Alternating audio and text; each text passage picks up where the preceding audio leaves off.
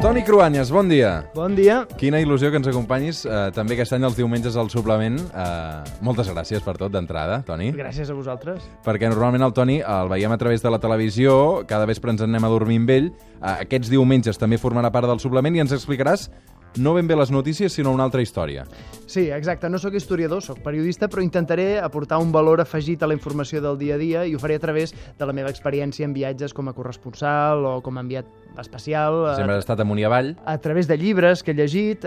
Intentaré buscar dades de descobriments científics nous que ens aporten una nova visió sobre els nostres orígens. Ho farem d'aquesta manera. Entre setmana tothom em podrà sentir el Telenotícies Vespre a TV3 explicant les notícies del dia, però els diumenges a Catalunya Ràdio serà una altra història. I avui al suplement per arrencar ens centrem en uns dels temes que ha marcat l'estiu.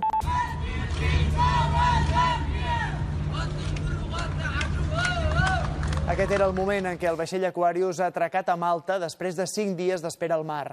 Els 141 migrants ja han desembarcat al port de la Valeta, on estan recuperant-se, i després es repartiran per als països de la Unió Europea. Catalunya n'espera una seixantena. D'aquesta manera ho explicava el Toni Cruanyes aquest estiu al Telenotícies. Evidentment hem parlat molt dels milers de migrants que s'han rescatat del Mediterrani, una situació que, a més, també ha suposat una baralla entre els estats de la Unió Europea, Toni. Sí, n'hem parlat molt. El que farem els diumenges, Roger, justament és eh, posar perspectiva a les notícies de cada setmana. Conèixer el passat entenc que és la millor manera d'afrontar el futur. I per als lectors o espectadors dels programes informatius encara diria més. Els coneixements d'història serveixen perquè no ens enganyin. La notícia d'avui sempre s'entén millor si se sap què va passar ahir, abans d'ahir, la setmana passada. Doncs va, avui ens fixem en les migracions des de l'Àfrica cap a Europa, però ens remuntarem ni més ni menys que a 70.000 anys enrere.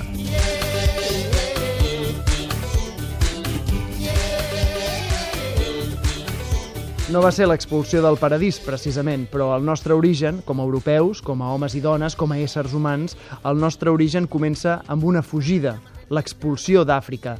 És del continent negre que som originaris també els homes blancs. Van ser persones com nosaltres, valentes, decidides, que volien el millor per elles i per les seves famílies. Eren alts, baixos, més grassos o més prims, corpulents, alguns escardalencs, tenien un objectiu comú, també com nosaltres, sobreviure.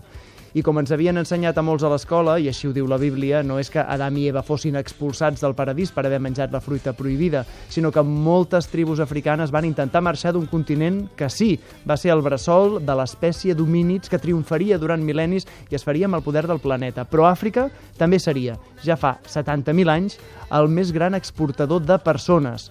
Aleshores, els homo sapiens, és a dir, nosaltres, a la recerca de millors condicions, érem caçadors i recol·lectors, que vivíem en grups o en famílies extenses, nòmades, que es movien amb l'objectiu d'aconseguir el necessari per sobreviure, menjar, beguda, aixopluc, el canvi climàtic, ja aleshores, va tenir un paper importantíssim en la decisió dels homo sapiens de buscar-se la vida des dels seus orígens, possiblement 100.000 anys abans de la primera migració fora d'Àfrica.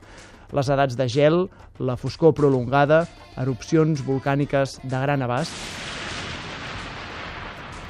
Els especialistes en biologia de la Terra diuen ara que aquests 100.000 anys coincideixen amb canvis molt bruscos. La Terra es va refredar, hi va haver grans inundacions, després es va secar i es va escalfar bruscament.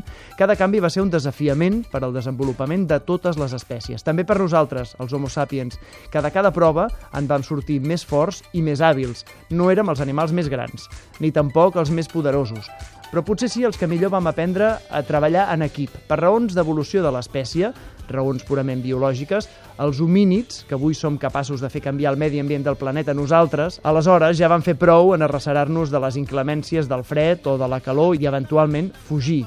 El moviment era la regla, la recerca de fruites, arrels, llavors...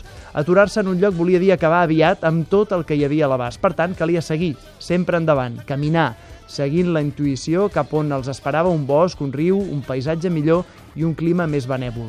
Els milers d'anys en què van moure's a l'interior d'Àfrica, els homo sapiens van aprendre a caminar, a cuidar amb foc, es van establir llenguatges per entendre's entre ells, van aprendre a cooperar, a ajudar-se, a lluitar contra altres animals perillosos i potser fins i tot letals.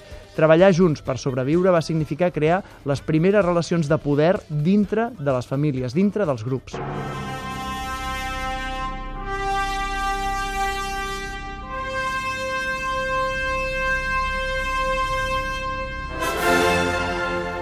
Avui, amb el Toni Cruanyes, fem un retorn als orígens, en aquest cas, eh, 70.000 anys enrere. Clar, amb tot això que m'estava explicant, a- aleshores eren tribus aquí, no? Sí, sí, l'avantatge de la tribu era que cooperava, que s'ajudava. L'inconvenient era que mm, apel·lava a la unitat en contra dels de fora. Mhm. És un element del que en parlarem, perquè avui podem, per exemple, resseguir el traç dels nostres ancestres fins a una sola tribu africana. De com a Tots, màxim... so, tots són fills de la mateixa mare, m'estàs dient, Toni? Sí, sí, eh, literalment de la mateixa mare.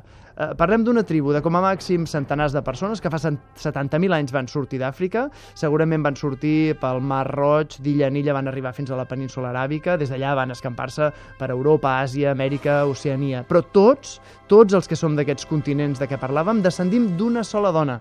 Una dona que estava en aquesta tribu primigènia que va aconseguir sortir d'Àfrica. En el nostre ADN portem la prova que, malgrat que altres tribus possiblement van aconseguir sortir d'Àfrica, només una ha deixat un rastre vivent avui en milers de milions de persones. Hi ha una I què, petita... què, què en sabem d'aquesta dona, no? Per, per què? Doncs hauríem de saber bastant, perquè de fet tots, des de Barcelona fins a Islamabad, a Londres, a Xangai, tots són fills d'una mateixa mare. Una, una dona de la qual que devia ser, sabem que devia ser molt forta, robusta, valenta, una supervivent nata, no sabem ni la seva mida, ni com era la seva veu, o els seus, els seus pits, o les seves cames, però sí sabem que era negra.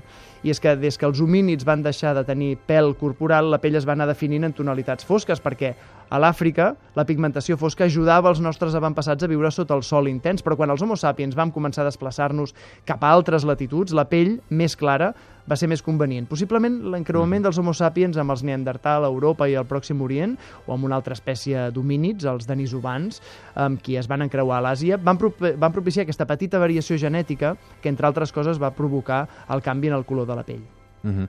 Escolta'm, i què passa a la resta d'africans, aleshores, no, Toni? Perquè, clar, tot això eh, que m'estàs explicant, eh, tots venim del mateix, però aquí hi ha moltes races diferents, o desapareixen les races. És que el més curiós és que el, les persones que són genèticament més diferents són les que són africanes, és a dir, eh, hi ha moltes més diferències genètiques entre una persona d'una tribu africana i una altra que no pas entre tota la resta de la gent del planeta, perquè, com deia, tots veníem d'aquella mateixa tribu. Per tant, això s'explica no només genèticament, sinó també amb aquest continent que, que té, doncs, no sé, 2.000 llengües, eh, traces molt diferents eh, en el seu aspecte eh, i també en les seves tradicions. Fa anys vaig poder viatjar a Burkina Faso, un país eh, que és un exemple multiètnic de- d'aquesta vinculació genètica eh, a, la, a les diferents cultures, a 60 llengües en aquest sol petit país al mig de l'Àfrica.